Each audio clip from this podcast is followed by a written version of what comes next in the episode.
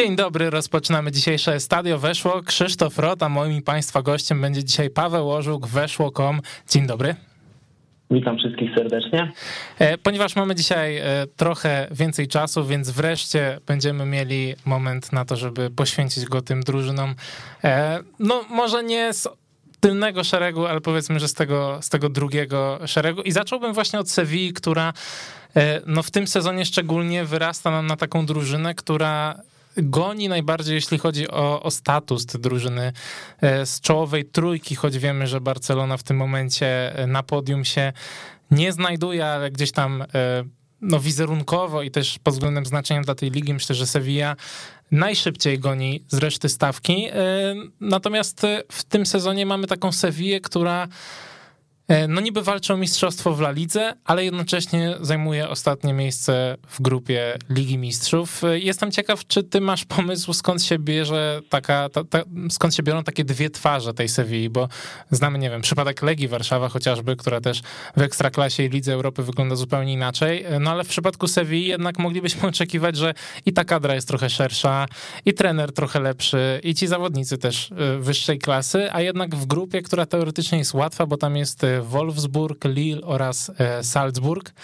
No Sevilla zajmuje ostatnie miejsce. Ja wychodzę z takiego założenia, że wielu piłkarzy w Sewilli obniżyło loty. Mimo wszystko spodziewałem się znacznie więcej o po Lukasie, o Camposie. Mimo wszystko więcej można było spodziewać się czy to po Oliwierze Torresie, czy Oskarze Rodriguezie. A mimo wszystko ci piłkarze zawodzą, a oni właśnie by się w tym momencie przydali. Tym bardziej, że tak jak sam wcześniej wspominałeś, Sevilla gra bardzo różnie. Często mecze w La Lidze po prostu przepycha, nie gra może ich spektakularnie, ale potrafi je wygrywać. Natomiast Liga Mistrzów stanowi taki papierek lakmusowy dla tego zespołu. Tam już się kończą żarty i często niestety Sevilla na tym bardzo mocno cierpi. Ja jestem sam ciekaw, jak dalej potoczą się losy Sewilli, bo jeżeli popatrzymy na terminarz, no to czeka ich teraz mecz, jeżeli mówimy o Lidze Mistrzów oczywiście, mecz z Wolfsburgiem u siebie oraz mecz na wyjeździe z Salzburgiem.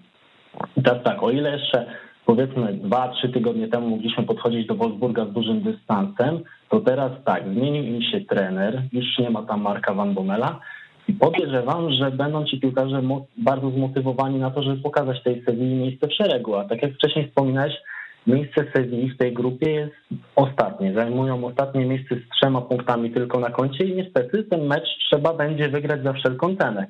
W lidze też nie ma najłatwiejszego kalendarza Sevilla, bo o ile można traktować z dość dużym dystansem takiego rywala jak Deportivo Alaves, natomiast jest później Real Madryt, mecz zaległy z tego co pamiętam i starcie z Villarrealem, który też dużo punktów już stracił w lidze i na pewno nie będzie chciał tak w tym meczu stracić kolejnych punktów. Zrobią ci piłkarze wszystko, żeby Sewilli utrzeć nosa, więc ja nieco się obawiam o tę Sewillę i sam jestem ciekaw, jak potoczą się dalej los tego klubu.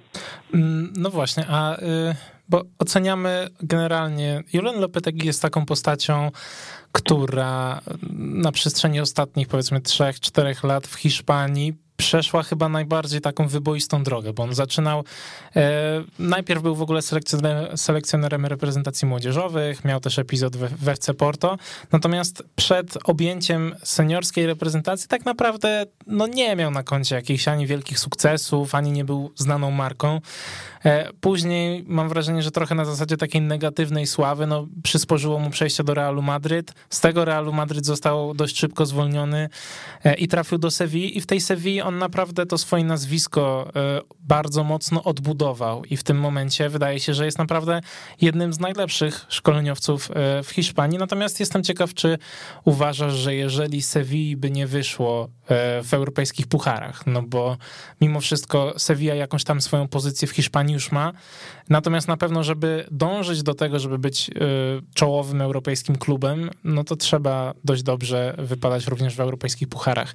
Czy jeżeli Sevilla nie dość, żeby nie awansowała do, do fazy pucharowej Ligi Mistrzów, ale nawet y, nie spadła powiedzmy do tej Ligi Europy, czy dla ciebie to miałoby jakiś wpływ na, na pozycję Julena Lopetegiego, czy uważasz, że to, co on robi w tym momencie na krajowym podwórku w zupełności wystarcza? Moim zdaniem nie będzie to miało większego znaczenia, natomiast przed sezonem wszyscy w Sewilli mówili jasno, że celem jest wyjście z grupy. Chcieli to osiągnąć za wszelką cenę, a jak już wylosowali tę grupę, no to stało się jasne to, że wypadałoby z tej grupy wyjść. Julian Lopetegui ma na tyle mocną pozycję w Sewilli, że moim zdaniem nie ma się czego obawiać. Jego kontrakt trwa, będzie trwał do końca sezonu 23-24, z tego co pamiętam. Przez Monczego jest bardzo chwalony, więc wątpię, żeby, żeby został zwolniony w najbliższym czasie, czy też w wyniku tego, że dajmy na to Sevilla nie zdołałaby przebić się do pucharów na wiosnę.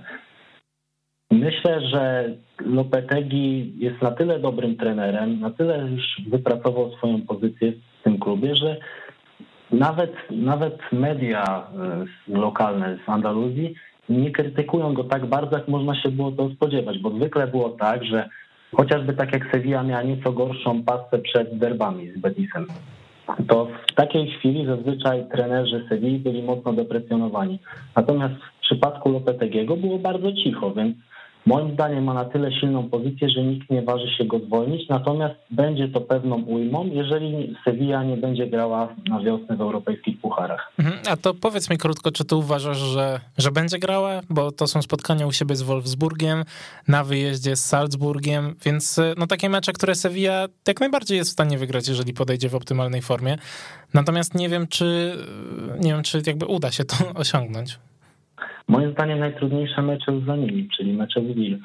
Teraz pozostaje kwestia tego, jak podejdą do tych spotkań, bo jednak w lidze też chcą utrzymywać wysoką pozycję. Celem jest to, żeby nadal grać, żeby w przyszłym sezonie zagrać również w Lidze Mistrzów, więc będą musieli zdobywać te punkty. A Sevilla jednak, o ile można mówić, że ten zespół jest dość mocny, jeżeli chodzi o jakość piłkarzy, o szerokość kadry, to jest to dość mocno powierzchowne, bo tak jak wcześniej Ci wspominałem, wielu piłkarzy nie gra na najwyższym poziomie i też mam wrażenie, że przydałoby się lekkie odświeżenie szatni. O tym też mówił Julen Lopetegi, że potrzebowałby kilku wzmocnień.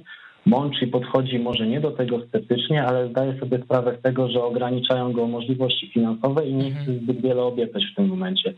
Ale jednak prawda jest taka, że Sevilla, Sevilla powinna awansować do pucharów na wiosnę i bardzo trzymam za nimi kciuki. Tak, ja też zdecydowanie trzymam, trzymam za nich kciuki. kciuki. E, wspomniałeś wcześniej, że e, Sevilla przepychała kolanem niektóre spotkania ligowe. No ja się oczywiście zgadzam, bo, bo niektóre mecze naprawdę to była, to była mordęga do oglądania i dopiero jakiś późny gol, albo nawet wczesny gol i potem e, problemy w środku pola, e, no to nie były zbyt porywające mecze i właśnie w Hiszpanii niektórzy dziennikarze, oczywiście to jest dalekie od, od jakiejś takiej wyraźnej krytyki Lopetego, no bo wydaje mi się, że nie można cały czas e, krytykować trenera, który zakładając, że e, wygra swoje zaległe spotkanie, no to będzie liderem Primera Division, y, to, to są pewne zarzuty w stosunku do niego, że ta gra nie jest zbyt zbyt taka porywająca, nie jest zbyt ofensywna, że jest bardzo pragmatyczna, że Sevilla jak strzela jednego gola, to nie do końca idzie po kolejne, że na przykład w tych ostatnich derbach e, z Realem Betis, w momencie, w którym Sevilla wyszła na prowadzenie i grała w przewadze, wydawało się, że to będzie egzekucja, a tymczasem Sevilla trochę, trochę zwolniła bieg i w sumie wygrała oczywiście 2-0, trzy punkty to trzy punkty, natomiast wydaje mi się, że można było oczekiwać nadal trochę więcej. Tylko w tym pragmatyzmie też jest siła. Moim zdaniem w tym wypadku celu święcał środki i wiele osób jednak spodziewało się to, że to spotkanie nie będzie stało na najwyższym poziomie. Mówię o spotkaniu z Betisem. Wypunktowali ten Real Betis moim zdaniem w sposób wręcz taki brutalny, bo jakby nie patrzeć, chociażby postawa Guido, Guido, Guido Rodrigueza była w tym meczu fatalna. Facet przez cały sezon grał solidnie, a nagle przyszły derby Andaluzji i człowiek się pogubił. Zagrał beznadziejne spotkanie, dostał czerwoną kartkę. I ja też na dobrą sprawę nie dziwię się, że Sevilla nie szła za ciosem. Moim zdaniem już na tyle przyzwyczaiła nas do tego, że potrafi po prostu grać skutecznie, niekoniecznie porywać swoją grą, że można było się tego spodziewać, ale też wolałbym widzieć Sevillę, która gra nieco odważniej. Tylko moim zdaniem kadra w tym momencie też nie pozwala zbytnio na to. Mhm, no, myślę, że to, to możliwe tylko pytanie, no bo w ubiegłym sezonie bywały takie mecze, że Sevilla faktycznie porywała. E, może to jest różnica trochę też zmęczenia. E, odnośnie jeszcze derbów Sevilla, tak bym sobie zamknął trochę ten temat e, właśnie Sevilla. Czy dla ciebie to spotkanie było takim pokazem Sevilla, czy jednocześnie to, było takie, to był taki mecz, jakby, nie wiem, nauczyciel wziął ucznia i pokazał mu, ile mu jeszcze brakuje do jego poziomu, bo gdzieś tam cały czas słyszymy o tym Betisie, który chciałby aspirować do europejskich pucharów, który gra w tych europejskich pucharach przecież teraz. E, natomiast no, przychodzi takie spotkanie z Sevillą i, i Real Betis tak naprawdę nie ma absolutnie żadnych argumentów. Według mnie można było się spodziewać takiego spotkania. Real Betis i tak raczej nie ma prawa do większych narzekań z racji tego, że zazwyczaj, gdy łączyli grę w pucharach z występami w lidze, ich, ich sposób punktowania był po prostu słaby. Rzadko punktowali słabo, często wpędzali się w kłopoty. W przypadku bodaj sezonu 13-14 skończyło się na spadku, więc Betis musi mierzyć siły na zamiary, jednak jakby nie patrzeć, największą siłę w Sewilli ma Sevilla, nie Real Betis. Nawet jeżeli spojrzymy na transfery, Real Betis skupia się na tym, przynajmniej w letnim ostatnim oknie transferowym, żeby sprowadzać zawodników za darmo. Sevilla ma możliwość, żeby zapłacić za Montiela 11 milionów euro, za Rafemira 16, za Tomasa Delaney'a 6 milionów euro, jednak te kluby są na kompletnie innych etapach i nie powinno nikogo dziwić to, że jednak Sevilla jest w stanie wygrać z, z pojedynek derbowy z Betisem. Mhm, tak, to, to myślę, że faktycznie mało kogo rzeczywiście, rzeczywiście dziwi ten Real Betis. Mimo tego, że oczywiście w miarę fajnie się na nich patrzy, ja też mam e, od wielu lat sympatię w stosunku do, do Mauricio Pellegrino, to, e, to wydaje mi się, że, że jednak musi jeszcze trochę czasu upłynąć, zanim, zanim wejdą na ten trochę wyższy poziom. E, przechodząc do kolejnej drużyny, którą chciałbym z tobą omówić, jest to Atletik ja sobie przeglądałem kilka statystyk, też słuchałem kilku podcastów, obejrzałem e, kilka artykułów, przeczytałem. E, I jedna rzecz mi się najbardziej rzuciła w oczy, że w tym momencie Atletik jest e, bodajże piątą drużyną najczęściej presującą w pięciu najlepszych ligach europejskich, że przed nimi znajdują się właśnie tam Bayern, chyba Liverpool, nie pamiętam jeszcze innych drużyn, natomiast Athletic Bilbao, czyli drużyna, która w sumie nie jest nawet w, nie wiem, w strefie europejskich pucharów obecnie, jest drużyną, która najczęściej presuje w tej ostatniej strefie. Czy ten pressing, ta taka walka, ustawienia Atletiku jest dla ciebie e, no, taką najbardziej wyraźną rzeczą, którą faktycznie wniósł Marcelino do tego klubu? Moim zdaniem jest też tak, że to charakteryzuje zespoły z północy Hiszpanii. Często jest tak, nawet jeżeli pamiętamy ten Eibar, który był w najwyższej dyspozycji, nie mówię o tym sezonie poprzednim, w którym spadli, oni jednak grali bardzo wysokim pressingiem. Osasuna też jest z północy Hiszpanii, gra w podobny sposób. Też próbuje złapać rywala jak najwyżej, jak się da, żeby móc szybko spróbować wymienić jedno, maks dwa podania i uderzyć na bramkę. Więc to jest taki charakterystyczny element dla drużyn z północy Hiszpanii. Natomiast moim zdaniem Marcelino wprowadził przede wszystkim to, że zmienił się system gry. Marcelino wprowadził grę na dwóch napastników, co też wielu osobom się nie podobało, bo jakby nie patrzeć, kadra Betisu, kadra Atletiku jest w ten sposób skonstruowana, że jest dość uboga w napastniku. My mamy Inakiego Williamsa, który to by, co by nie mówić, nie rozwinął się w taki sposób, jak wiele osób oczekiwało, bo nie mhm. zdobywa bramek hurtowo. Mamy Asiera Via Libre, który popada w przeciętność. No i mamy już bardzo doświadczonego Ra Raula Garcia. Gdzieś teraz Marcelino próbuje na tej pozycji wystawiać Ojana Fanseta, ale on sam wspomina w wywiadach o tym, że dopiero uczy się strzelać na bramkę. Oczywiście tutaj no, te słowa bierzemy do cudzysłów, Natomiast dla niego jest to nowa pozycja i pewna nowość, że musi grać tak blisko bramki przeciwnika. Więc jakby nie patrzeć, Marcelino podejmuje dość duże ryzyko, natomiast ono się do pewnego stopnia opłaca, bo jednak jakby nie patrzeć, Atletik zajmuje ósmą pozycję i gra znacznie lepiej niż za czasów chociażby Gajski Garitano. Mhm, wspomniałeś e, o Iniakim Williamsie. Mam wrażenie, że oczywiście to jest, to jest zawodnik, e, który powoli staje się twarzą też w ogóle całej La Ligi, bo niedawno pobił rekord, jeśli chodzi o występy z rzędu w spotkaniach ligowych. To było bodajże 208, więc naprawdę no nie dość, że tutaj musi być super przygotowanie fizyczne, to jeszcze omijają go różne zawieszenia czy kartki. E, naprawdę jest to wynik godny szacunku. Natomiast kilka lat temu, jakbyśmy sobie patrzyli na Iniakiego Williamsa, to można było odnieść wrażenie, że e, jeżeli on tylko poprawi trochę swoje wykończenie, to może być naprawdę topowym zawodnikiem i zaraz się będą o niego zabijały też topowe, topowe kluby.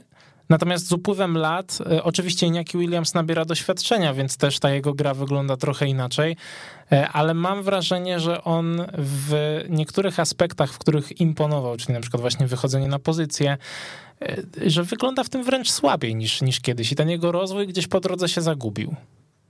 Tak, i on też często o tym wspomina, że o wiele lepiej czuje się w momencie, gdy gra z głębi pola, gdy nie jest ustawiony całkiem z przodu, tylko ma jednak trochę tej przestrzeni nie martwi mimo wszystko postawa tego piłkarza, bo znalazł się w takiej złotej klatce. Wiadomo, że kontrakt jego będzie trwał właściwie do momentu zakończenia kariery, bo mm, na ten moment umowa Boda jest do 2028 roku, czyli mhm. wtedy będzie miał 3-4 lata, ale myślę, że nawet jeżeli będzie chciał grać dłużej, no to tą umowę rzeczy jasna mu przedłużą. Tylko pytanie, czy nie przydałaby mu się zmiana otoczenia, bo tak jak mówimy, on nie robi postępów, Mm, Atletik ma swoją specyfikę też wiadomo jaką, że sprowadza głównie musi sprowadzać zawodników, którzy mają korzenie baskijskie, więc tutaj dość wąskie pole manewru, jeżeli chodzi o transfery. Moim zdaniem nie ma kto naciskać tego Iniakiego Williamsa, żeby on się rozwijał dalej. Tak, to, to też prawda, ale wydaje mi się, że właśnie przez tą specyfikę atletiku, o której, o której wspomniałeś, która też jest w ogóle chwalebna i, i myślę, że mało kiedy się docenia faktycznie to, jak wiele osiąga Atletik przy ograniczeniach, które sam sobie narzuca. No bo wyobraźmy sobie, nie wiem, Legię Warszawa, która tyle lat się utrzymuje e, w najwyższej klasie rozgrywkowej i e, walczy o europejskie puchary, stawiając tylko na zawodników z województwa mazowieckiego. No to wydaje mi się dość nieprawdopodobne. E, natomiast właśnie z uwagi na to też Atletik Bilbao będzie go trzymał tak naprawdę do końca kariery i co roku się też pojawiają takie informacje o Javim Martinezie, o Cezarze Aspilicuecie. Generalnie ta, ta grupa piłkarzy, w których może Atletik wybierać jest dość mała, więc też nie dziwi, że, że Iñaki Williams ma tam po prostu powiedzmy ciepłą, ciepłą posadzkę, e, posadkę. Czy obecnie twoim zdaniem Marcelino wyciąga trochę wynik ponad stan, czy jednak jest to jeszcze mm, dość niski poziom i ten Atletik mimo wszystko stać na, na więcej, na przykład o walkę o, o, o Ligę Europy?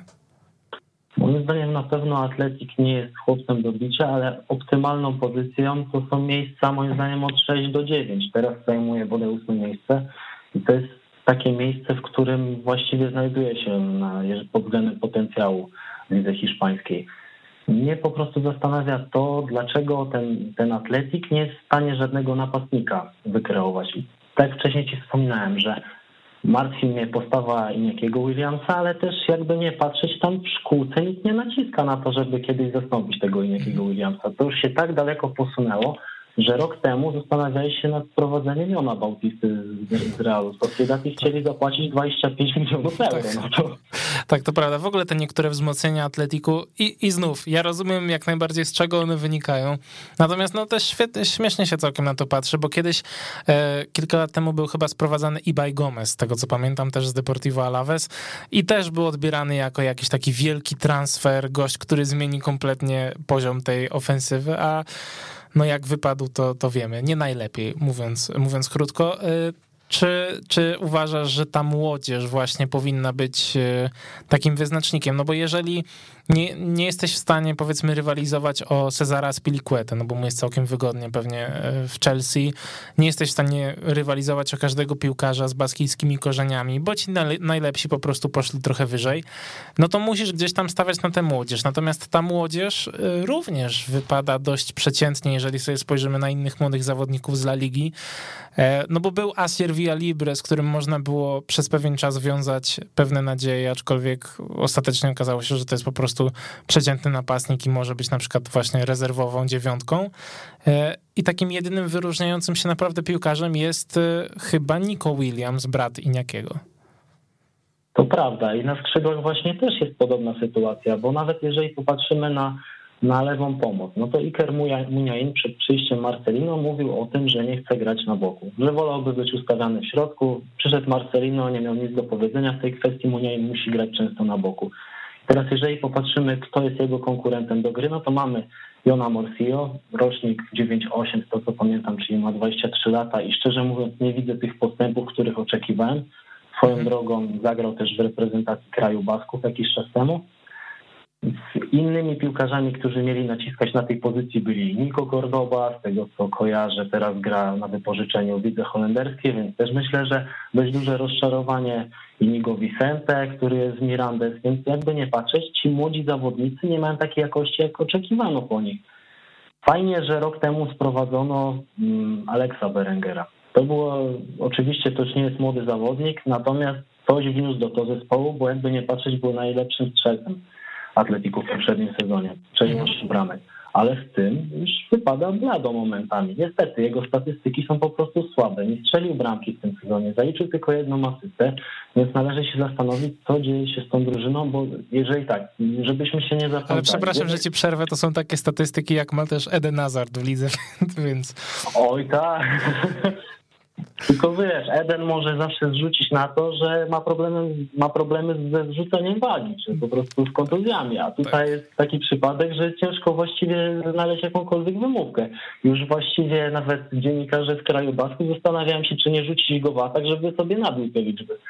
No tak, to, to by było jakieś rozwiązanie. Natomiast e, czy, czy nie sądzisz, że w takim razie, skoro ten Atletik no, cały czas balansuje w tej górnej połowie tabeli, e, przegrali oczywiście ostatnio dwa finały Pucharu Króla, co na pewno było dość, dość bolesne.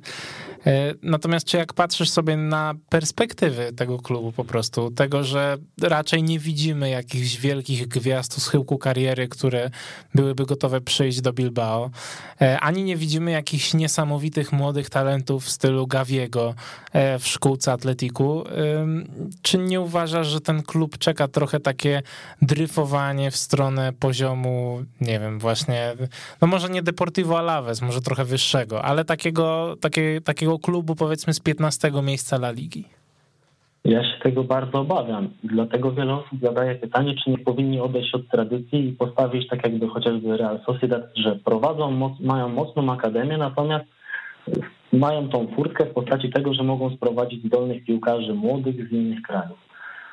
W przypadku Atletiku raczej to nie przejdzie, bo tam wzbudzają, wzbudzają kontrowersje, nawet takie transfery do zespołu kobiet, że nie, nie pamiętam nazwiska teraz tej pani, natomiast ona grała przez długi czas w Niemczech, ale znaleziono korzenie u niej baskijskiej i tam już było takie oburzenie w kraju Basków, że właściwie jej transfer stanął pod znakiem zapytania i wiele osób zastanawiało się, czy za chwilę Atletik nie rozwiąże z tą, z tą kobietą kontraktu, więc, więc tam już są daleko posunięte pewne rzeczy i zastanawiam się, czy nawet spadek sprawiłby, że Atletik nagle odpuściłby przywiązanie do tradycji. Myślę, że nie, bo wtedy znowu było, byłaby taka narracja, że okej, okay, spadliśmy, no to trzeba się odbudować. A jak najłatwiej się odbudować? W oparciu o swoich ludzi. Mhm. I myślę, że to jest krąg zamknięty i raczej tam nigdy nie dojdzie do takiej rewolucji, że nagle zobaczymy w składzie, nie wiem, Szweda, Włocha, Polaka i jeszcze powiedzmy dwóch obcokrajowców. Myślę, że dalej będą się trzymali kurczowo swojej tradycji. To też takie e, dość sympatyczne. E, mimo wszystko taki, taki folklor, folklor powiedzmy laligowy. E, na sam koniec chciałbym cię zapytać o e, derby Barcelony, ale z perspektywy właśnie Espaniolu, którą też tutaj dość rzadko poruszamy. Generalnie właśnie te derby zawsze były, e, oczywiście jest bardzo duża atmosfera, którą też bardzo często podsyca Gerard Piqué, mówiąc, że no, Espaniol to nie jest Barcelona, tylko Espaniol to jest Corneja. Natomiast czy uważasz, że akurat te derby mogą być trochę zmianą, bo zawsze było było tak, że ta Barcelona grała ze Spaniolem i tak naprawdę odhaczała kolejne spotkania, łapiąc spokojne e, trzy punkty. W tym sezonie nie dość, że Barcelona jest dość przeciętna, e, to będzie debiut Xaviego swoją drogą, e, to dodatkowo no, mamy Raula de Tomasa, który nie dość, że wygląda świetnie w La Lidze, to jeszcze niedawno dwa mecze rozegrał w reprezentacji. Teraz zobacz, jeżeli mówimy nawet o spotkaniach derbowych, to powiedzmy, że w derbach Madrytu szanse rozkładają się mniej więcej po połowie, że dajmy na to na 10 spotkań wygra powiedzmy Real 6, 4 Atletico, podobnie jest w derbach Sewilli, a derby Barcelony wiązały się z tym, że jednak każdy liczył się z tym, że Barcelona jest lepsza i to o wiele. I raczej wygra 9 na 10 spotkań. Bo tak mhm. Mm, powiedzmy, że coś w tych widełkach. Ale teraz, tak jak też wspominasz, Barcelona trafiło, Barcelona jest w naprawdę ciężkim momencie. Doszło do zmiany trenera. Na dobrą sprawę nie wiadomo, jak ta Barcelona Czawiego będzie grała, bo to, co się mówi o nim teraz w hiszpańskiej prasie, czy, czy też to, co można gdzieś, gdzieś wywnioskować na podstawie tego, jak grał jego Al-Sad, to są wszystko mrzonki, bo teraz trafia na kompletnie inną grupę i nagle może się okazać, że te wszystkie schematy nie zadziałają. Więc jeżeli Espaniol chciał trafić na słabą Barcelonę, albo inaczej, Barcelonę znajdującą się w problemach, to trafił w idealnym momencie teraz. Nie, ja nie wykluczam takiego scenariuszu, w którym Espaniol ten mecz będzie w stanie nawet wygrać. Oczywiście Barcelona, jeżeli przejdziemy pozycję po pozycji, mimo wszystko ma większy potencjał. Natomiast Espaniol jest nieprzewidywalny i pokazał to chociażby mecz z Realem Madryt, gdzie Real był karcony wielokrotnie przez ten Espaniol. Tak, to prawda, ale i Widal zakładający siatkę Nacho Fernandezowi to też taki obrazek tamtej, tamtej kolejki. Zobaczymy, jestem bardzo ciekaw tego, czy faktycznie może papuszki wreszcie się trochę postawią Barcelonie, może będziemy oglądać kolejne świetne derby w Hiszpanii. E, ja ci tymczasem, Paweł, bardzo dziękuję. Był z nami Paweł Łożuk, weszło.com. Dzięki. Dziękuję, do usłyszenia. Ja zapraszam na krótką przerwę i za chwilę wracamy na antenę. Weszło FM, najlepsze radio sportowe. I wracamy na antenę Weszło FM i jest już z nami Adrian Białkowski, portal No Camp No, prosto z Barcelony. Cześć Adrian. Cześć Krzysiek, cześć wszystkim. E, chciałem z tobą porozmawiać, e, no bo tak nam się zamyka trochę ta przerwa reprezentacyjna, e, już chyba jutro nawet są mecze ligowe, więc chciałem zacząć od, od reprezentacji Hiszpanii, trochę na tej reprezentacji się skupić. E, I zacząłbym od tego, czy ciebie w ogóle jeszcze zaskakuje to, jak szybko Gavi, czyli przypomnijmy zawodnik, który ma lat 17, i to nawet nie dlatego, że w grudniu kończy 18, nie, on po prostu ma rocznikowo 17 lat. Już sobie wywalczył miejsce w podstawowym składzie reprezentacji Hiszpanii u Luisa Enrique i jest taką postacią, że cała La Cartucha, 50 tysięcy kibiców yy, krzyczy jego nazwisko. Tak, przede wszystkim właśnie, jak dobrze zauważyłeś, on dopiero co skończył 17 lat. Więc tak naprawdę on wchodził e, na początku sezonu do zespołu mając 16. No to jest niesamowite, to się praktycznie nie zdarza. No ale jakoś tak ostatnio się złożyło, że, e, że takie dwa wielkie talenty e, z La Masi weszły do pierwszego zespołu, bo też przecież Ansu Fati przeskoczył zupełnie Barcelonę B i, i od razu wszedł do pierwszej drużyny mając lat 17.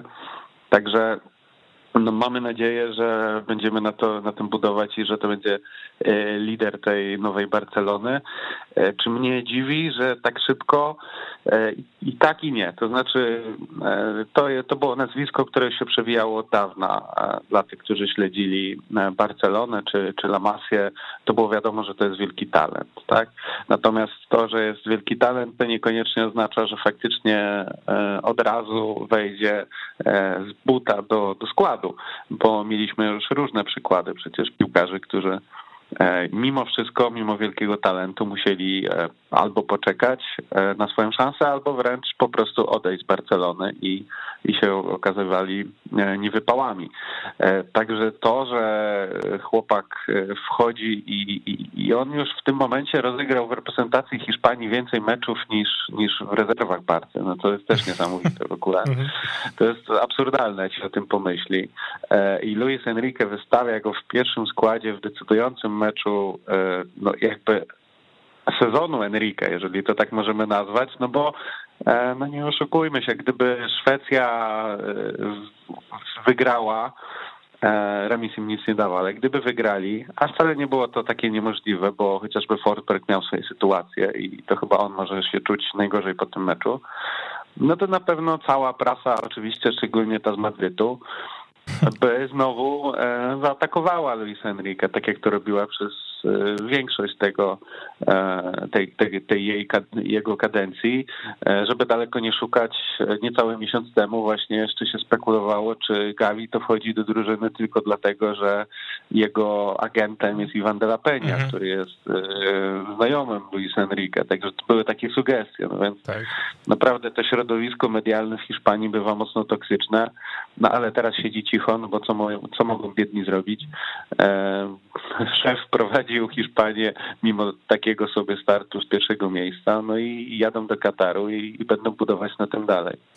Tak, to zdecydowanie jest prawda. Ja jestem po prostu zachwycony Gawim. E, no nie będę ukrywał, no bardzo, bardzo go zazdroszczę, bo to jest, to jest taki piłkarz. Ja mam wrażenie, że Jak, jakbym teraz miał uszeregować tych trzech takich pomocników z Lamasji, pomijając Nico Gonzaleza trochę, bo to mam wrażenie trochę inna pozycja, e, czyli właśnie, no Pedri nie jest z Lamasji, ale powiedzmy, że tych młodych barcelońskich pomocników, e, czyli, czyli Rikiego, czyli Pedriego, czyli Gaviego, mam wrażenie, że każdy z nich daje coś, czego, czego nie daje drugi, że Ricky Puć generalnie nie daje prawie nic. E, Pedri... Fajne TikToki daje. Tak, daje Dużo fajne TikToki. So, social, so, social media. Tak, zdecydowanie. Ostatnio w ogóle była taka informacja, że um, Luis Enrique zabronił poruszania się na tych elektrycznych e, skuterach, czy rowerach, czy czymś tam.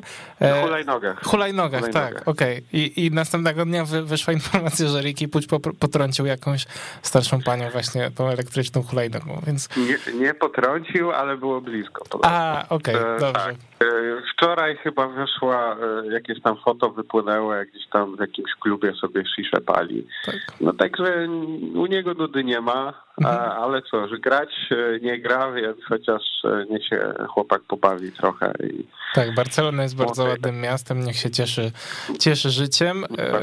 Natomiast, tak, natomiast ale...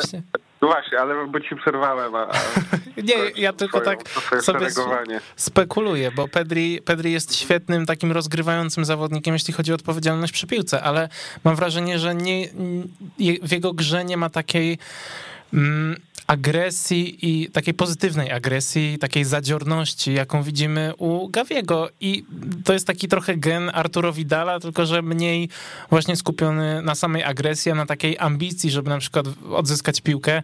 Widziałem taką statystykę, że Gavi y, ma więcej wyskoków do pressingu w tych kilku meczach, które zagrał w Barcelonie, niż na przykład Frankie de Jong od początku sezonu, więc e, no to pokazuje, że on po prostu ma inną charakterystykę.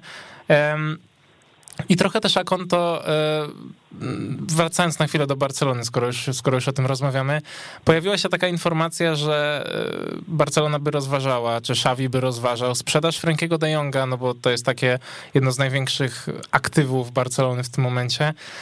E, czy tobie się ten pomysł podoba, biorąc pod uwagę, że właśnie jest i Gavi, i Pedri, i Nico Gonzalez też wchodzi do, do, do, do drużyny?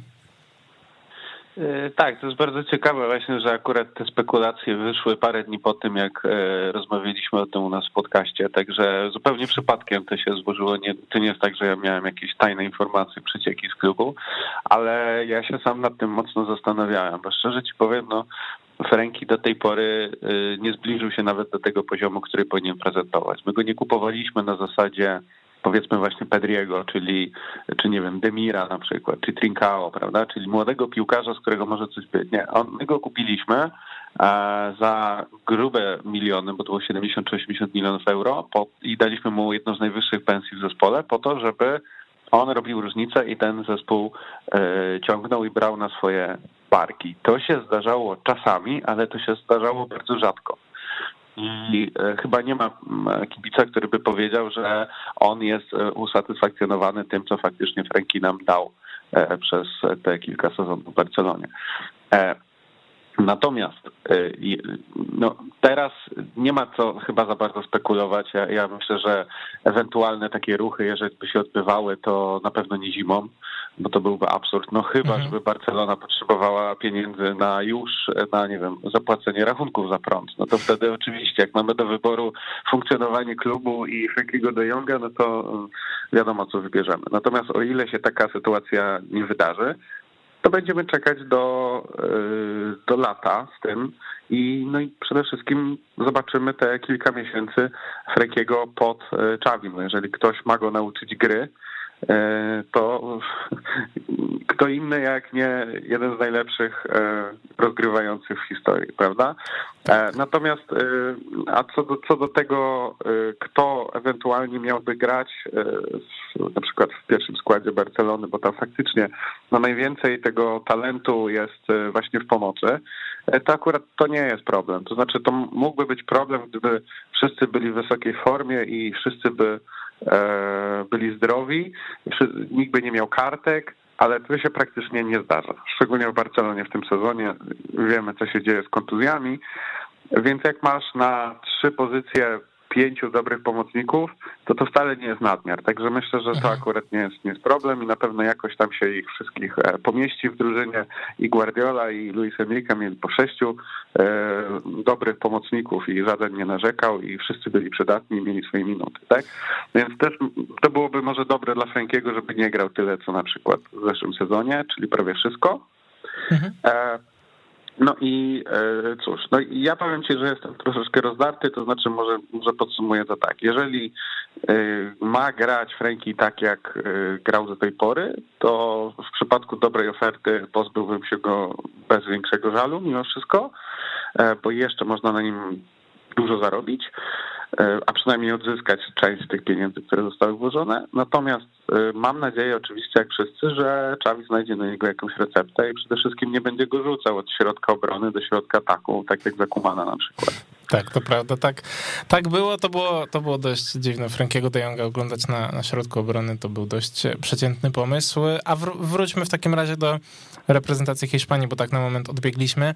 E, oni, to ostatnie zgrupowanie było dla nich dość korzystne, no bo w tym pierwszym meczu, e, który Hiszpania wygrała z Grecją, to był trudny mecz, mam wrażenie. Ten gol wygrany, e, gol strzelony z karnego, ogólnie Grecja nie była też jakimś super wygodnym rywalem, no ale Szwecja zrobiła prezent, bo, bo przegrała z kolei z Gruzją, a przed tym zgrupowaniem w ogóle była taka atmosfera w hiszpańskich mediach y, takiego napięcia wręcz. No, trzeba było wygrać oba spotkania i, i Szwecja też nie jawiła się jako jakiś super łatwy przeciwnik. Hiszpania oba te mecze wygrali, awansowali już z pierwszego miejsca na Mistrzostwa Świata. E, jestem ciekaw w ogóle, jak oceniasz te eliminacje, bo e, w reprezentacji Hiszpanii, oczywiście to ma też związek z długimi kontuzjami Sergio Ramosa czy, czy Ansu Fatiego, nie ma w tym momencie takich, e, powiedzmy, pierwszoplanowych postaci, tak jak jest w NBA, prawda? Że, że czasem, jak jest na przykład e, przedmeczowy pokaz drużyn, to się pokazuje obok drużyny zdjęcie jakiegoś zawodnika. To mam wrażenie, że w Hiszpanii nie ma takiej gwiazdy, żebyśmy powiedzieli tak, to jest jego drużyna.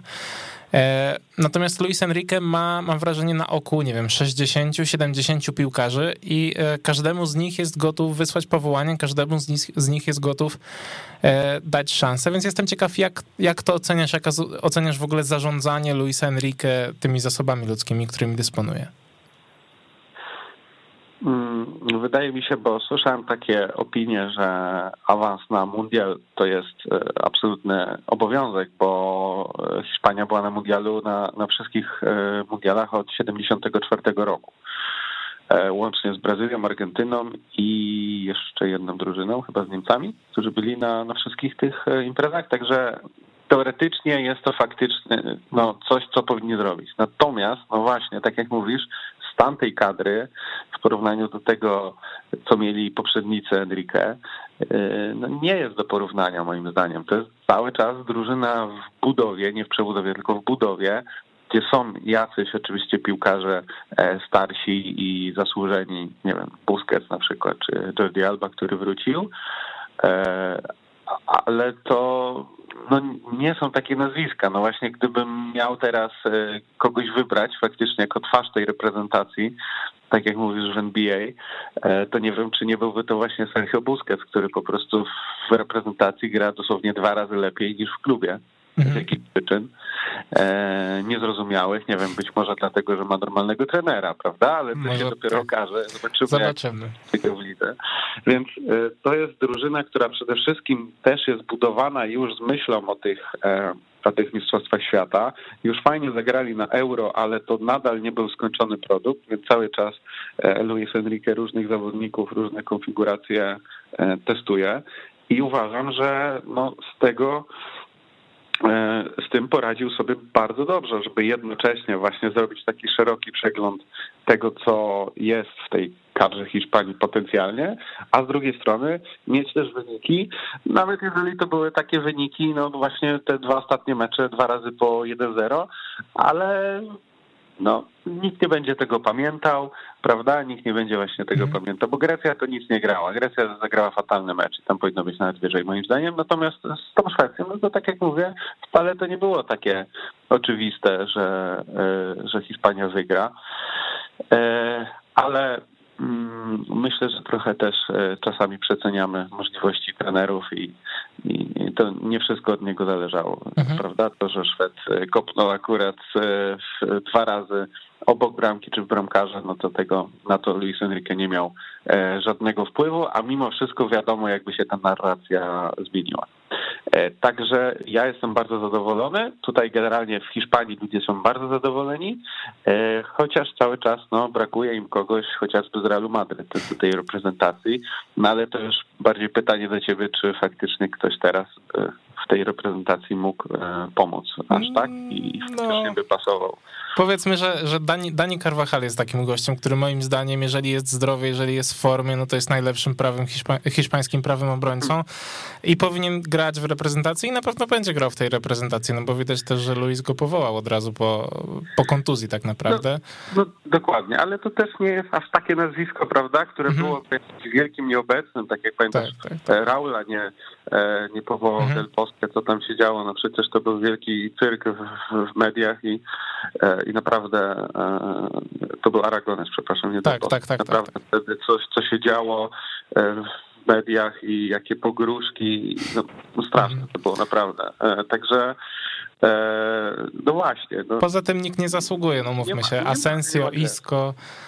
Na, no, no, właśnie. no właśnie. Nacho był zaskoczeniem przed euro, ale w tym momencie no, też gra raczej mocno przeciętnie. E, a jestem ciekaw właśnie jak oceniasz, no bo ta linia ofensywna, generalnie z całą resztą moglibyśmy się zgadzać. Myślę też, że do środka pola by zawędrował Marcos Llorente, gdyby był zdrowy, e, no bo to też nie jest, nie jest taki zawodnik, którego można łatwo pominąć. E, a w ofensywie, poza tym, że no niesamowitego egzekutora zrobił z Ferrana Torresa Luis Enrique, pewnie też do spółki z Pepem Guardiolą, to ta ofensywa wygląda dość, dość przeciętnie i stąd jestem ciekaw, jak oceniasz na przykład to ustawiczne pomijanie Jago Aspasa.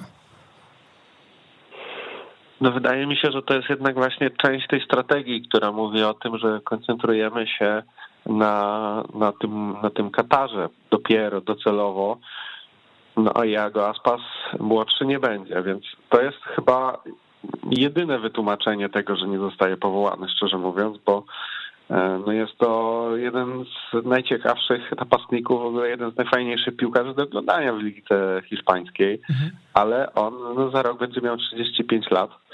E, tak, no, jest to ciekawa decyzja, ale może, może faktycznie dobra. Mi się wydaje, że po prostu Luis Enrique chce mimo wszystko znaleźć albo właśnie wykreować kogoś, kto E, będzie świadczył o, o tym ataku już teraz. Może wziąć kogoś trochę na wyrost, e, ale nie wiem, jak teraz na przykład e, Raul de Tomas, tak? Mhm, jest, mhm. jest testowany po raz pierwszy, no Ansu się połamał, więc dostał swoją szansę. I wydaje mi się, że Luis Enrique dużo bardziej wolałby znaleźć kogoś takiego jeszcze nie do końca uformowanego, żeby go przystosować do swojego systemu, niż brać już piłkarza, no, który no, już najlepsze lata ma za sobą, co by tu nie mówić. Ja osobiście Aspasa bym wziął, ale to dlatego, że, że ja go uwielbiam uważam, żeby się na pewno przydał chociażby z ławki, tak? Mhm. Nawet jakby miał 36 lat. No ale taka jest decyzja. To jest troszeczkę mm, eksperymentalne wszystko w tej, to co się dzieje w tej reprezentacji, mam wrażenie. E, więc e, no, atak jest, jest jednak e, słabą stroną. O ile pomoc, no to wiadomo, jedna z najlepszych na świecie, jak co impreza właściwie. E, w obronie jest e, dużo ciekawych nazwisk, które właśnie, na których można budować przyszłość i zobaczymy, nie wiem, czy to będzie Paul Torres, czy Zubelia, czy Eric Garcia, tak? Tutaj jest, sporo tych młodych, którzy, którzy wydaje mi się, że będą dawali jakość. No tak w tym ataku E, szczególnie na pozycji 9 jest, jest nędza i nie wiem, e, jak to będzie wyglądało. Może trzeba e, Seska Fabregasa wciągnąć powrotem, żeby grał na fałszywej dziewiątce tak i będziemy grali znowu bez napastników po prostu. Co do, co do tej obrony jeszcze jeżeli Sergio Ramos zdecyduje się wrócić z zmarłych, bo na razie to zakończył karierę chyba, e, ostatnio znów nie trenował tak swoją drogą e, z PSG, to mimo wszystko uważam, że gdyby wszyscy byli zdrowi w formie, to obrona złożona właśnie z Carvajala, Ramosa, powiedzmy, że Laporta albo, albo Pau Torresa i na przykład Gai czy Jordiego Alby, to też jest jedna z najlepszych linii obrony, przynajmniej na papierze, na świecie, więc tak. ci Hiszpanie zdecydowanie mają, mają w czym wybierać, tylko właśnie ta ofensywa. A z drugiej strony, gdyby był zdrowy Ansu Fati, no to przy Ferranie, przy Fatim to byśmy mówili tylko o obsadzie dziewiątki i wtedy, wiesz, no jest De Tomas, jest Morata, ale może tam też zagrać Ojar Zabal i wymieniać się z Fatim, więc no jeżeli wszyscy by byli zdrowi, to mam wrażenie, że ten Luis Enrique faktycznie miałby w czym wybierać, tylko że problem jest taki, że nie wszyscy, nie wszyscy są zdrowi i pytanie, jak to będzie wyglądało w Katarze. A tak swoją drogą, bo mówiliśmy jeszcze o tym, że Nico Gonzalez gra tak świetnie, że niedługo pewnie też dostanie powołanie do reprezentacji. E, czy dla ciebie to jest gość, który może jakkolwiek w tej reprezentacji na dziś zaistnieć przy Sergio Busquetsie oraz Rodrim? Yy, tak, to znaczy ja jestem wielkim fanem Nico Gonzalesa, już to mówiłem e, no w marcu tego roku, jak go zobaczyłem pierwszy raz po tej przerwie pandemicznej, można było iść na stadion i zobaczyłem go w Barcy B. E, to od pierwszego dosłownie spotkania mnie zachwycił i zdania nie zmieniam. E, uważam, że to jest niesamowity talent, o którym aż tak wiele się nie mówiło wcześniej. Cieszę się, że teraz się mówi, teraz się może mówi aż trochę za dużo. Mhm. E, ale, ale daje, daje radę chłopak, naprawdę e, uważam, że Rodri w ogóle mnie nie przekonuje, ja ci powiem szczerze. Ja, mnie Także nie jestem aż takim, no, no, właśnie, no to się zgadzamy. Także ja nie jestem aż takim wielkim e, fanem jego talentu. Tu jeśli chodzi już o, o reprezentację Hiszpanii, to podobno ma, podobnie mam zdanie Molmo chociażby. Mhm. To są dwa takie nazwiska, które mnie trochę nie przekonują. E, także Nico Gonzalez może być lepszą wersją, takim niektórzy mówią Busquetsem 2.0, ale nie do końca, bo on trochę wyżej powinien jednak grać i to jest jego chyba e, lepsza pozycja, czyli bardziej taki Frankie de Jong e, na boisku. I to jest chłopak, który łączy naprawdę niesamowitą wizję gry, bardzo dobrą technikę z niesamowitymi warunkami fizycznymi. To mhm. dopiero jak się go zobaczy na żywo, to to cię tak uderza, jak właśnie spojrzysz na niego i widzisz, że to jest chłopak, który ma prawie 1,90 m, e, a, a rusza się e, bardzo e, z wielką gracją i nawet słyszałem ostatnio, że może być, bo pochodzi z Galicji, więc może być najlepszym piłkarzem w historii tego regionu. Ktoś tam powiedział, że nie pamiętam mhm. kto. No więc zobaczymy. No, ja mam bardzo duże nadzieje co do tego chłopaka i uważam, że on, jeżeli faktycznie będzie się dalej rozwijał tak jak teraz, to za rok, dwa dosłownie eksploduje, wejdzie do pierwszego składu i gdzie by nie grał, to będzie titularem, będzie podstawowym zawodnikiem. E, więc e, trzymam kciuki za niego, bo mhm. naprawdę, naprawdę e, przekonuje mnie to, co widziałem do tej pory u niego. Okej, okay, to jeszcze zamykając już ten temat reprezentacji Hiszpanii, jakie są też oczekiwania względem mundialu? No bo powiedzmy, że ten półfinał na Euro to był wynik w miarę satysfakcjonujący.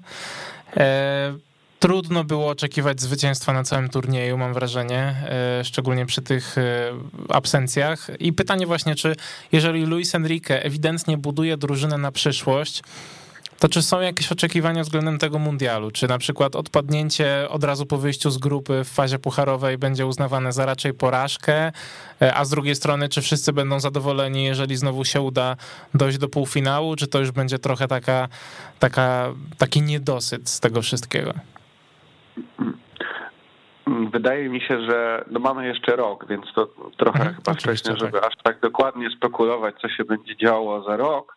Zobaczymy właśnie, jak to będzie wyglądało e, też zdrowotnie, prawda? Czy mhm. coś ważne nie, nie wypadnie, bo tego nigdy nie można przewidzieć. E, wydaje mi się, że to będzie coś pomiędzy e, tym słynnym gramy jak nigdy, przegrywamy jak zawsze, kiedy Hiszpanii się zdarzało z grupy nie wyjść, ale też nie będzie to tak, że właśnie będzie oczekiwany finał Mistrzostw Świata, najlepiej to wygrana. To chyba też no nawet najbardziej zagorzali kibice hiszpańscy nie mogą tego wymagać. No, mogą na to liczyć, mogą mieć nadzieję, ale wymagać tego absolutnie nie powinni.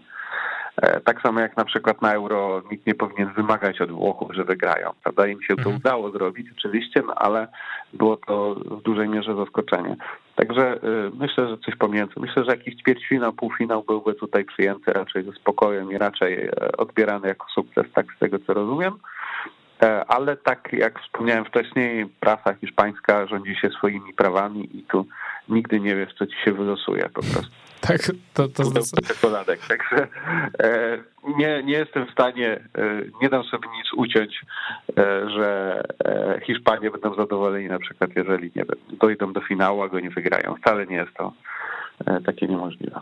Tak, to, to też prawda co do tej hiszpańskiej prasy. E, na zakończenie naszej dzisiejszej rozmowy chciałem się zapytać o Daniego Alvesa. Byłeś na jego, byłeś na jego prezentacji. Chciałem się zapytać o energię, jaką wniósł ten no, szalony człowiek, z tego co, co można wywnioskować z różnych filmików, on jest po prostu szalony, e, o energię wśród kibiców, ale też o takie trochę oczekiwania względem niego, bo mi się wydaje, że niezależnie od tego, jak wiele meczów w pełnym wymiarze czasowym e, rozegrał w Brazylii, niezależnie od tego, jak dobrze jest przygotowany fizycznie, no to w wieku 38 lat pewnych rzeczy po prostu nie jesteś w stanie przeskoczyć. I o ile on może, jakby nie, nie neguje kompletnie e, jego zalet takich e, mentalnych, bo to na pewno będzie bardzo dobra rzecz dla wszystkich w szatni Barcelony, to jestem ciekaw, czy uważasz, że sportowo to jest gość, który nadal może ci sporo dać i na przykład, nie wiem, raz na te dwa tygodnie jest w stanie zagrać dużo lepiej od, od Serginio Desta, czy od Sergiego Roberto, czy od Oscara Mingezy?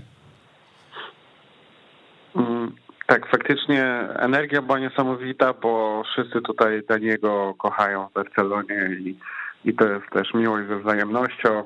Także bardzo było to wszystko bardzo sympatyczne wczoraj, jak się patrzyło na te obrazki i to, co on mówił właśnie o tym, że nigdy nie powinien chodzić ze swojego domu, tak, że e, murawa na Camp pachnie jak tytuły, no to jest urodzony zwycięzca.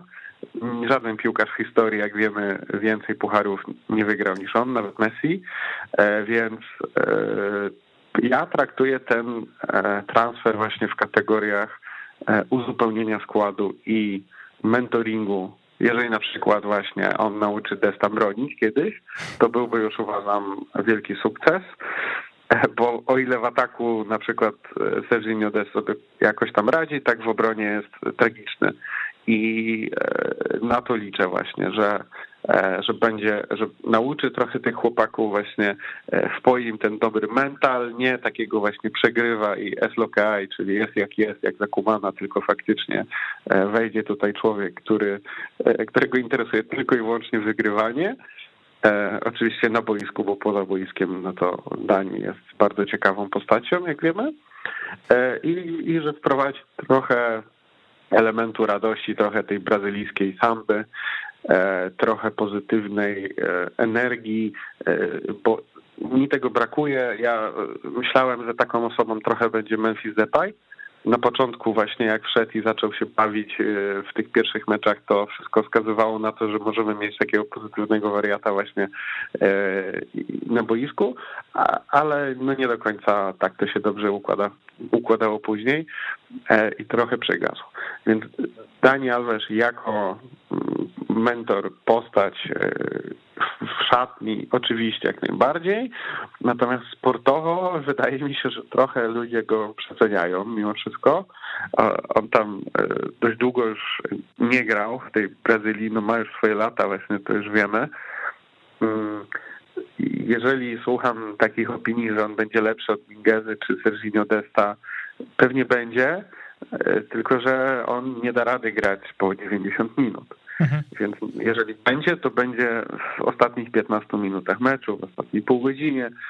No wątpię, żeby stał się tutaj nagle kluczową postacią na prawej obronie. No jeżeli tak będzie, no to naprawdę byłby to, szczerze mówiąc, dramat, że e, wygryzłby ze składu właśnie te nasze talenty 38-latek, tak, mhm. który jedną nogą właściwie jest na emeryturze. No to byłoby bardzo smutne e, też z perspektywy tych chłopaków, także mam nadzieję, że się to nie wydarzy. Mam nadzieję, że ta konkurencja po prostu się zaostrzy e, i, i oni też się zmotywują do lepszej gry. Mm, szczególnie właśnie Dest, bo Mingeza na przykład no to pewnego poziomu nie przeskoczy po prostu, tu nie ma się co oszukiwać, to w najlepszym wydaniu będzie po prostu uzupełnienie składu. Sergi Roberto, nie wiem, co się z nim będzie działo, ale też tutaj nie mam jakichś wielkich nadziei, żeby nastąpił jakiś renesans, jakieś przebudzenie tego piłkarza, bo też nigdy wybitny nie był, więc nie wiem, dlaczego miałby teraz być. Także reasumując, ja się bardzo cieszę, że tak jest. Marketingowo na pewno się to wszystko bardzo fajnie e, spina. Jest to bardzo e, taka e, pozytywna historia właśnie, że natura się regeneruje, legendy wracają do Barcelony. Mhm. Natomiast jak słyszę jeszcze, że zaraz będziemy może zainteresowani ściąganiem z powrotem Niesty i Messiego, no to się zaczynam trochę obawiać właśnie o ten nasz projekt, bo może jeszcze do tego trzeba dorzucić, nie wiem, Ronaldinho, Samuela to i może jeszcze Czawi wejdzie z ławki i zaraz będziemy e, odbudowywać wielką Barcelonę. Mm, Erika Bidal tak, jeszcze, tak. tak. Erika Bidal, tak. On ma inne teraz problemy, osobiste bardziej, także nie wiem, czy tak. to dobry moment teraz, żeby on się zajmował tym, ale nie będziemy o tych plotkach dziwnych e, spekulować chyba. E, także E, niech on będzie po prostu ten Daniel Alves e, takim pozytywnym wariatem, jak to go tutaj nazywają e, i niech da z siebie jak najwięcej, ale no, raczej nie wyobrażam sobie, żeby tutaj był dłużej niż do, do lata. No, jeżeli jeszcze może jeden sezon tutaj zostanie, no to też jakiejś tam marginalnej roli, ale to nie rozwiązuje w żaden sposób naszych głównych problemów, a już wczoraj Alemań, czyli dyrektor sportowy powiedział, że E, my żadnych pieniędzy w styczniu na transfery nie będziemy mieli, także e, tutaj nic się, jeśli chodzi o stan kadry, nie zmieni. Mhm, rozumiem. No, też mam takie wrażenia co do transferu Daniego Alvesza. Zobaczymy, jak to wpłynie na drużynę, zobaczymy, jak to wpłynie na tych młodszych zawodników i czy Dani jednak może nas zaskoczy swoim poziomem e, sportowym. Adrian, serdecznie Ci za dzisiaj dziękuję. Był z nami Adrian Białkowski, portal No Camp No. Dzięki wielkie. Dzięki Do wielkie. następnym razem. Trzymaj się ciepło, hej. E, I ja zapraszam was na krótką przerwę i za chwilę znów wracamy ze Stadio Weszło. Weszło FM. Najlepsze radio sportowe. I wracamy na antenę Weszło FM i jest już z nami Michał Zawada, jeden z socio z Barcelony. Cześć Michał. Ty rozumiem, że też jesteś w Barcelonie. E, przyjechałeś na derby ze Spaniolem, prawda? Tak, i na mecz drużyny mojej Wiwe Kieleckiej z Barceloną, z drugą moją drużyną.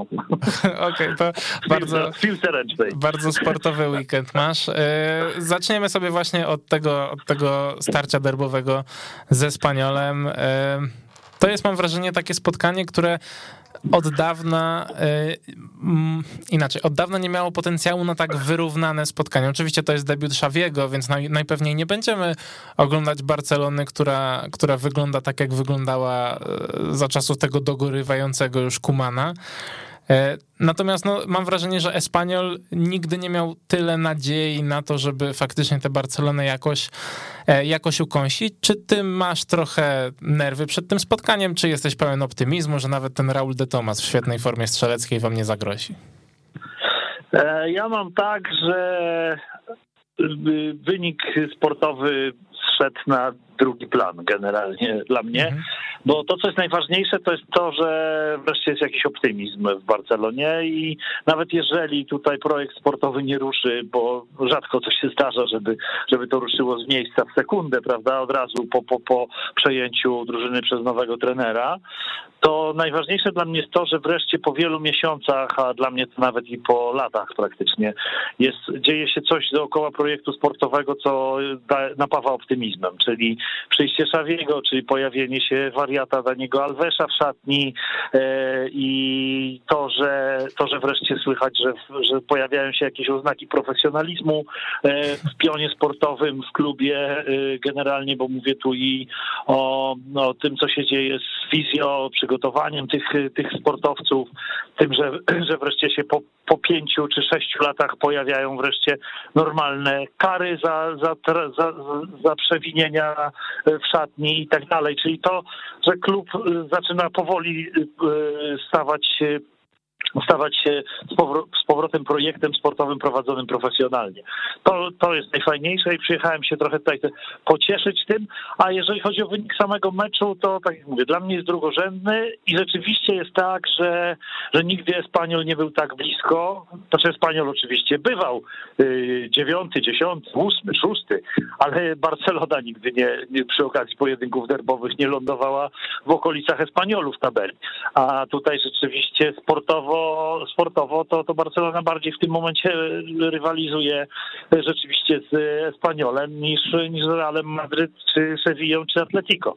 I ja mam nadzieję, że to się, jeżeli nie teraz, bo tak jak mówię, ja nie oczekuję cudów, wiem jaka jest kadra zespołu, jeżeli nie teraz, to zmieni się to być może na wiosnę, jak ta drużyna popracuje, popracuje z Szawim. E, także ja, ja się cieszę, że tu jestem i optymistycznie generalnie podchodzę do tematu. Mhm, to wyciągnąłeś, wyciągnąłeś dwie takie tezy y, w tej swojej wypowiedzi. Ja zaraz do obu nawiążę, ale najpierw do tej pierwszej odnośnie, odnośnie profesjonalizmu, bo po tym jak Xavi przejął, przejął drużynę na przestrzeni następnych trzech dni po oficjalnym ogłoszeniu go jako nowego szkoleniowca Barcelony, e, wypływały faktycznie jakieś różne informacje y, i ja czytałem bardzo dużo takich zachwytów y, tym i no czytałem też te informacje, że tam y, piłkarze mają teraz jeść razem, że mają spersonalizowane treningi, że mają spersonalizowane diety, że są kary za spóźnianie i tak dalej. Ja to wszystko czytałem i w głowie miałem tylko jedną myśl, że czy takie rzeczy nie są w 100% normalne w każdym profesjonalnym klubie i rozumiem, że po prostu w Barcelonie nie były. Dlatego jestem ciekaw, czy jaka jest twoja diagnoza? Czy to się zaczęło na przykład już za Ernesto Valverde, który wolał czasem odpuścić zamiast, e, nie wiem, kazać piłkarzom w szatni e, jeść razem posiłek albo nie jeść, nie wiem, makaronu czy, czy coś w tym stylu? Czy może Kike Setien zaczął odpuszczać? Skąd się wziął taki taki rozkład, no bo mam wrażenie, że te rzeczy, o których czytaliśmy w kontekście Szawiego, które oczywiście są chwalebne jak najbardziej, bo to są rzeczy, które wpływają na profesjonalizm i na przygotowanie, to są jednak rzeczy w pewnym sensie podstawowe dla w ogóle jakiegokolwiek klubu piłkarskiego. E, no, pewnie tak. Wiesz, też jest tak, że też jest tak, że każdy trener ma trochę inny sposób pracy z drużyną, ma też trochę inne zasady panujące w klubie, w szatni i e, generalnie w organizacji wszystkiego, co się dzieje dookoła niego. Niektórzy chcą zarządzać detalami, takimi jak, tak jak Jurgen Klopp czy Pep Guardiola i dotyczy to zarówno, nie wiem, tego, jak stoją samochody na parkingu dla zawodników, jakim samochodem się na trening, trening przyjeżdża i kiedy się ma wyłączony telefon, a kiedy go można mieć włączonego a inni, tak jak Valverde, skupia, wiesz, skupili się na tym, żeby wycisnąć to co, to, co potrafią w danym momencie. Valverde słusznie chyba ocenił swój potencjał i swoją charyzmę e, i stwierdził, że nie będzie szedł na wojnę z szatnią, która wtedy była naprawdę potwornie mocna, i, bo tam wtedy był Neymar, tam wtedy był Suarez, tam wtedy był Piqué i Messi e, i Valverde ocenił, że po prostu i, owszem, jest trenerem, chce być szefem, ale nie będzie, nie będzie szefem takim jak Guardiola, jak Luis Enrique, jak Klopp, jak Mourinho, nie będzie tutaj przychodzić, nie będzie walił pięścią w stół, tylko, tylko po prostu spróbuje swoimi metodami dać, dać im więcej wolnego gdzieś tam, być może i, i osiągnąć wynik. I szczerze mówiąc, w wielu wypadkach był tego blisko, bo gdyby nie, gdyby nie te nieudane dwumecze w, w Lidze Mistrzów, to oprócz tego prowadzenie zespołu czy w Lidze, czy nawet w meczach z Realem, Madryt i tak dalej, e, to się sprawdzało, bo ewidentnie ta szatnia e, wydawało się, że jest za nim i wyniki sportowe były w porządku, kadra była ok, ale to się może sprawdzić u jednego trenera. To się, a w momencie, kiedy masz trzech czy czterech trenerów, którzy odpuszczają kompletnie prowadzenie e, projektu sportowego i nie pojawia się żadna charyzma w szatni e, i, i nie, nie ma nikogo, kto by uderzył pięścią w stół przez sześć lat, to, znaczy tak jak mówię, to jest dobre przez rok, dwa u jednego trenera jako epizod, który gdzieś tam doprowadził nas do czegoś, ale długofalowo takie, takie rzeczy są niemożliwe, dlatego że wchodzą do szatni młodzi piłkarze, i dochodzą do tego kupowani byli piłkarze, którzy przychodzili tutaj tylko po to, żeby brać pieniądze. E, I Barcelona była bardzo wygodną przez e, lata przystanią dla przeciętnych piłkarzy biorących gigantyczną kasę, e, którzy w dodatku nie musieli tak naprawdę na to ciężko pracować, bo, mhm. bo dyscyplina była zerowa, jak widzimy. I nagle się okazuje, że, że, że to wszystko połączone jedno z drugim, o czym ja wielokrotnie i mówiłem, i pisałem, i generalnie no, tak to wyglądało po prostu. Tutaj ludzie piszą później w komentarzach o gwiazdeczkach i tak dalej, ale nikt nie staje się gwiazdeczką dlatego, że chce.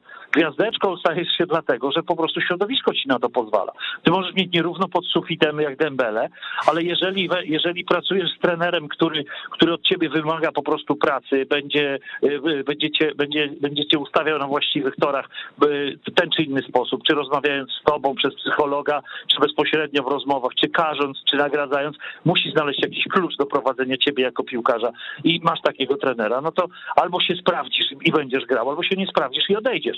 A tutaj było wielu piłkarzy, którzy przez, są przez, przez ten Bele, to chyba jest 5 lat. No. I, i, I, nikt tego klucza nie znalazł. I nikt, nikt mhm. nawet nie próbował tak na dobrą sprawę. Ale takich piłkarzy było wielu.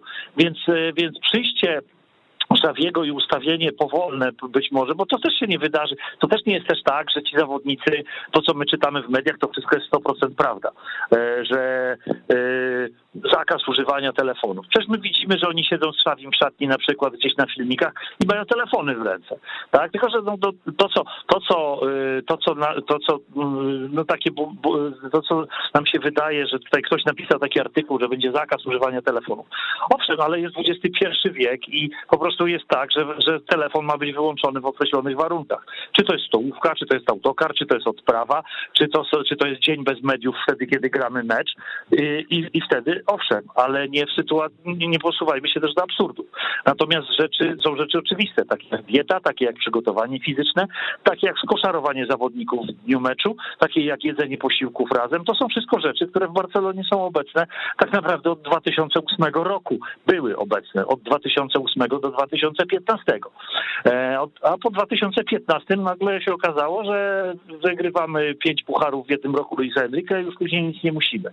E, więc, więc ja mam wrażenie, że tutaj, że tu wreszcie, wreszcie przychodzi ktoś, kto, kto zna szatnie, zna klub, wie jak pracować z młodymi piłkarzami, bo sam był tu młodym piłkarzem e, i, i 20 parę lat temu, kilka dni temu minęła rocznica, jak zagrał pierwszy raz z Iniestą e, na, na, boisku w jednym, w jednym składzie. I przeszedł całą tą drogę i też widzi tych młodych piłkarzy, na których będzie bazował, bo umówmy się, y, nie będzie żadnych pieniędzy na wielkie zakupy i trzeba stawiać na Pedriego, na Niko, na Gawiego, e, na Kojado, na paru innych, paru innych piłkarzy, y, Araujo i to na nich trzeba budować. I trudno sobie wyobrazić trenera lepszego do tego niż człowieka, który przeszedł całą tą drogę e, sam kiedyś, a do tego rzeczywiście siłą Barcelony wydają się w tym momencie zawodnicy wychowankowie, którzy są pomocnikami ofensywnymi lub defensywnymi, a Xavi, a Szafi umiał grać y, i na szóstce, i na ósemce, i gdzie by go w pomocy nie postawili, więc, y, więc takie, dochodzą takie głosy, że no kto, jeżeli nie Szawi, y, zrobi z tych pomocników naprawdę płuca i serce, serce tej drużyny na lata, więc fajnie, że będę mógł być na pierwszym meczu Szawiego w roli trenera na Camp Nou. Ciekawie, że przeciwko Espaniolowi. Byłem też na jego ostatnim meczu w roli piłkarza, więc taka klamra mi się mhm. tutaj w ciągu Ładne, tych tak. najbliższych tak. dni zamyka.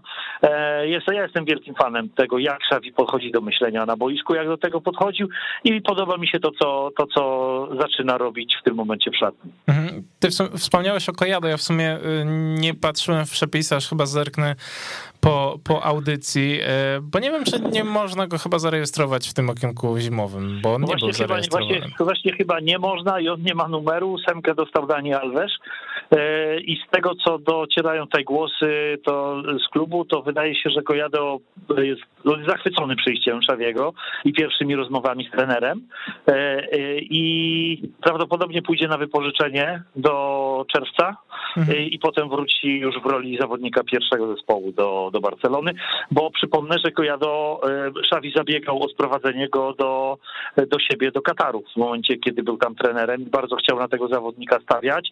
E, nie doszło do, tego, a szkoda teraz z perspektywy czasu patrząc, bo Okojado byłby, byłby dokładnie by wiedział, jak u Szawiego grać, co robić i, i byłby już zawodnikiem do grania na już u Szawiego. No ale, ale przynajmniej wiemy, że wiemy też, że Szawi ma bardzo dobrze rozpoznaną drużynę, bo miał tu swojego człowieka, który był na wszystkich meczach i dokumentował wszystkie mecze Barcelony B. Nie tylko oglądał pierwszą drużynę, którą Szawi również oglądał, ale dokumentował wszystkie mecze Barcelony B z obserwacjami e, mhm. dla Szawiego. Tak się przygotowuje profesjonalny trener do objęcia drużyny, o której myśli, że będzie w niej kiedyś pracował. E, I Szawi e, też pojawiają się takie tutaj, widziałem dzisiaj jakąś, jakąś notatkę dotyczącą tego, że Szawi ma program do statystyczny do obserwacji i analizy wydarzeń wojskowych e, w real time, czyli nie będzie się tylko opierał na, na tym, co mu podpowiada trener Skinos i to, co widzi na boisku, ale będzie, będzie miał przeprowadzane bezpośrednie analizy również w czasie, w czasie meczu i obserwacje statystyczne w programie, z którym, z którym już wcześniej pracował w Katarze jako trener, więc to nie jest żadne narzędzie, którego nie zna i którego mógłby się obawiać. Więc, więc tych rzeczy nowych w szatni dla, dla Barcelony będzie dużo. E, no ale mam wrażenie, że to właśnie w tym kierunku zmierza futbol, a nie w kierunku grania Lukiem de Jongiem na dziewiątce i bronieniem się siedmioma e, stoperami w momencie, kiedy prowadzi się 1 do 0 z przeciętnym zespołem. Tak, też tak, też tak uważam. No i ten Kojadem mimo wszystko wydaje mi się po prostu idealnym piłkarzem dla Szawiego na to prawe skrzydło, no bo co, Dembele, no umówmy się. Ale chciałem, chciałem cię zapytać o kolejną rzecz, y, bo powiedziałeś, że wynik w tym meczu cię nie interesuje. E, I zastanawia mnie to w kontekście... Znaczy, trochę, trochę, mnie, no trochę mnie interesuje jednak. Znaczy na pewno nie jest sprawą pierwszorzędną. Okej, okay, okej. Okay. Natomiast zastanawia mnie właśnie, no bo Barcelona w tym momencie jest na dziewiątym miejscu i traci bodajże sześć punktów, jeżeli mnie pamięć nie myli, aż to za moment sprawdzę. E, sześć punktów do mm, strefy Ligi Mistrzów. E, natomiast no nie jest powiedziane, że, że ta Barcelona, tak, sześć punktów, że ta Barcelona będzie no miała łatwo, jeśli chodzi o odrabianie tych punktów do Atletico czy do Sewilli, bo to są drużyny, które raczej idą no, od zwycięstwa do zwycięstwa, jeśli chodzi o Sewillę. Atletico też w ostatnim czasie zremisowało, ale, ale generalnie też swoje mecze wygrywało. Więc jestem ciekaw, czy ty, jeżeli już jest ten Xavi i wiemy, że on raczej będzie stawiał na młodzież, wiemy, jakie on ma podejście, czy ty jesteś gotów dać mu czas i na przykład uznać e, awans do powiedzmy Ligi Europy za wynik czy też finansowo i pod kątem przyciągania piłkarzy, ty byś jednak wolał tę Ligę Mistrzów i to jest dla ciebie coś, co, co jest ważne i co będzie wpływało na ocenę Szawiego? E, Liga Mistrzów musi być celem, dlatego że Barcelona jest w takiej sytuacji finansowej, że nie stać jej na to, żeby e, gdzieś tam nawet z tyłu głowy mieć to, że można sobie pozwolić na odpuszczenie e, rozgrywek Ligi Mistrzów tak od. I moim zdaniem właśnie celem, cel, dla, dlatego uważałem, że Kuman nie powinien w ogóle dostać drużyny w, w presezonie i nie powinien jej przygotowywać i prowadzić, bo znając realia i wiedząc jak, jak słaba jest kadra tego zespołu, to, to te tą słabość kadry należało wy, wy, wyrównać przez pracę trenera. E, I e, no, efekt jest taki, że Savi dostaje drużynę, dostaje drużynę ze stratą do Ligi Mistrzów. Gdyby ją dostawał od pierwszej kolejki, to tej straty by nie było. No, to, to po prostu czysta matematyka.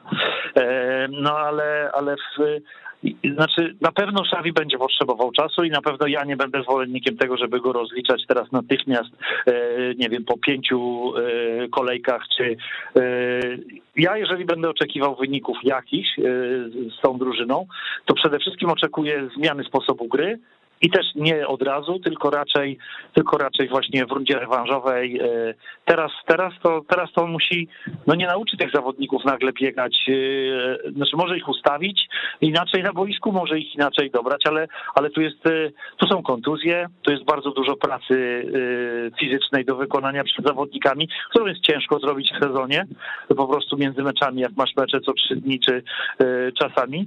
E, więc, e, więc takich elementów jest dużo i nie można oczekiwać, że drużyna nagle z dnia na dzień, z dnia na dzień będzie wyglądała zupełnie inaczej. szczęściem w nieszczęściu, bo nieszczęściem tutaj jest to, że generalnie liga jest po prostu hiszpańska jest w tym momencie słabsza niż była kilka lat temu. Nie ma takich gwiazd jak Messi, jak Cristiano Ronaldo. Barcelona i Real nie dominują, nawet Atletico nie dominuje tak jak się spodziewaliśmy, że może dominować patrząc na ich kadrę.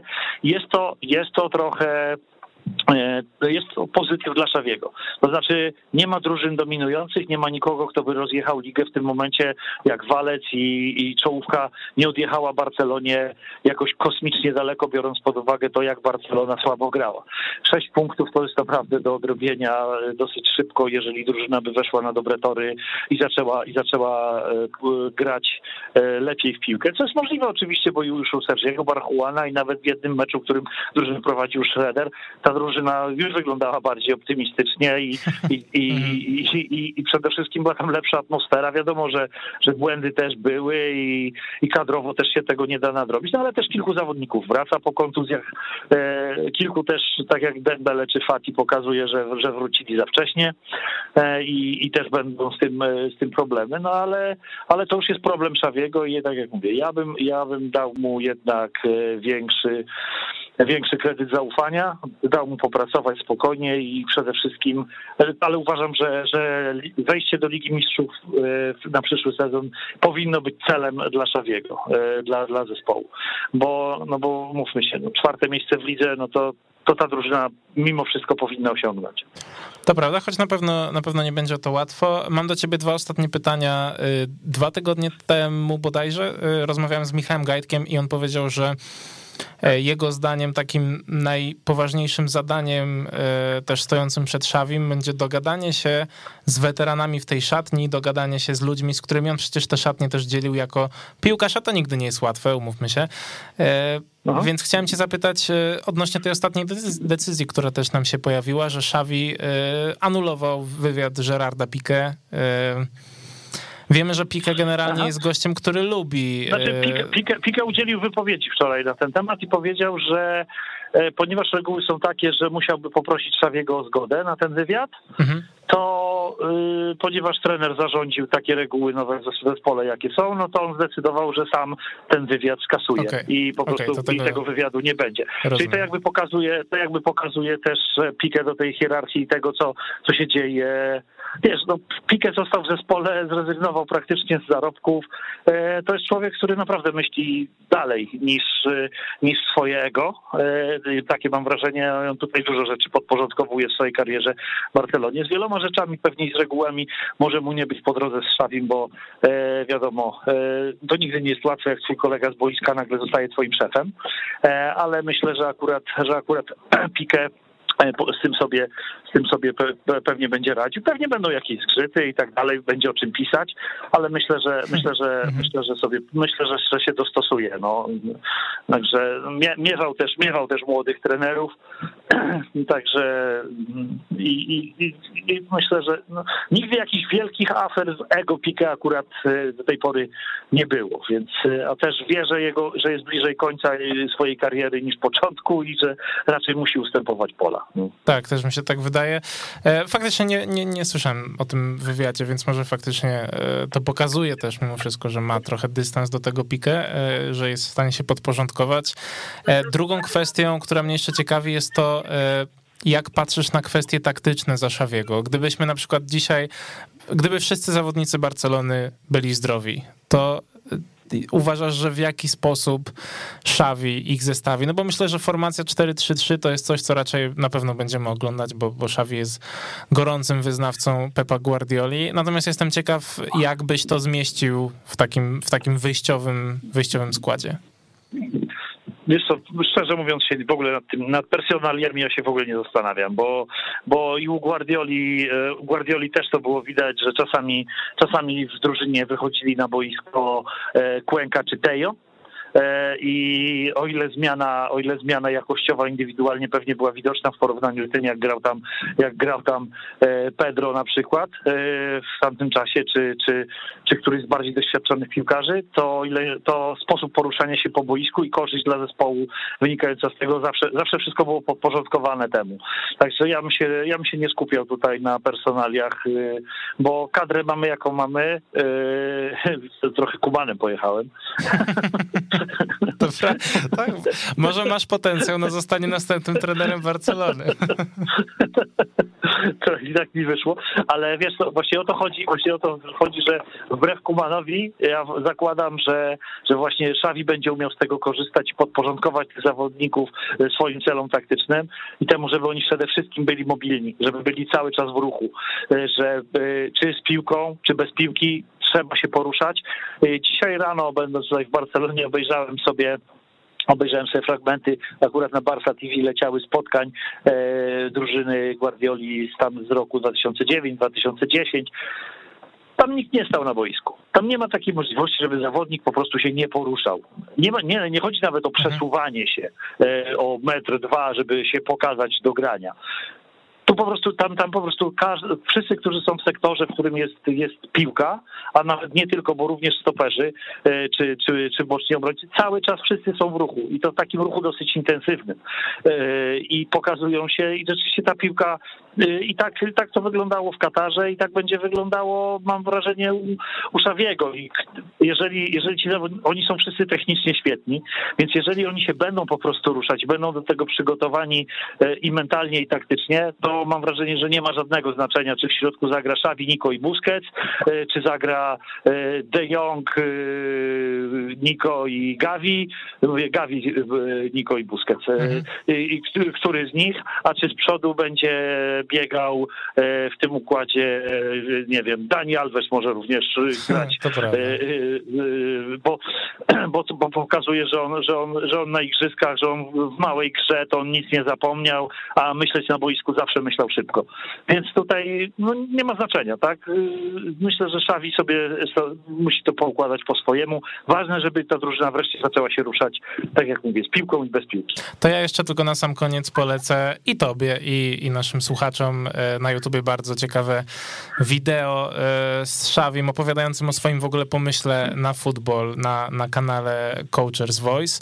E, to jest bardzo, bardzo też taka no, no ciekawy filmik po prostu pokazujący że, że Xavi nie jest do, właśnie przywiązany do formacji, że u niego chodzi o, e, o to, żeby drużyna funkcjonowała jako całość, niezależnie od tego, jak to wygląda na papierze. E, Michał, ja ci za dzisiaj serdecznie dziękuję. Życzę oczywiście też Dzięki. miłych wspomnień z pierwszego, z pierwszego meczu tak. Szawiego w roli trenera. Derby Barcelony Dzięki. to zawsze miła okazja. Był z nami Michał Zawada, Socio Barcelony. Dzięki. Dzięki. Trzymaj się ciepło. E, my na dzisiaj kończymy oczywiście w ten weekend debiut Szawiego, ale też na przykład mecz Realu Madryt z Granadą, więc e, no odpalajcie La Ligę. Dziękuję za dzisiaj. To było Stadio Weszło. Krzysztof Rot, pozdrawiam. Hej. Weszło FM. Najlepsze radio sportowe.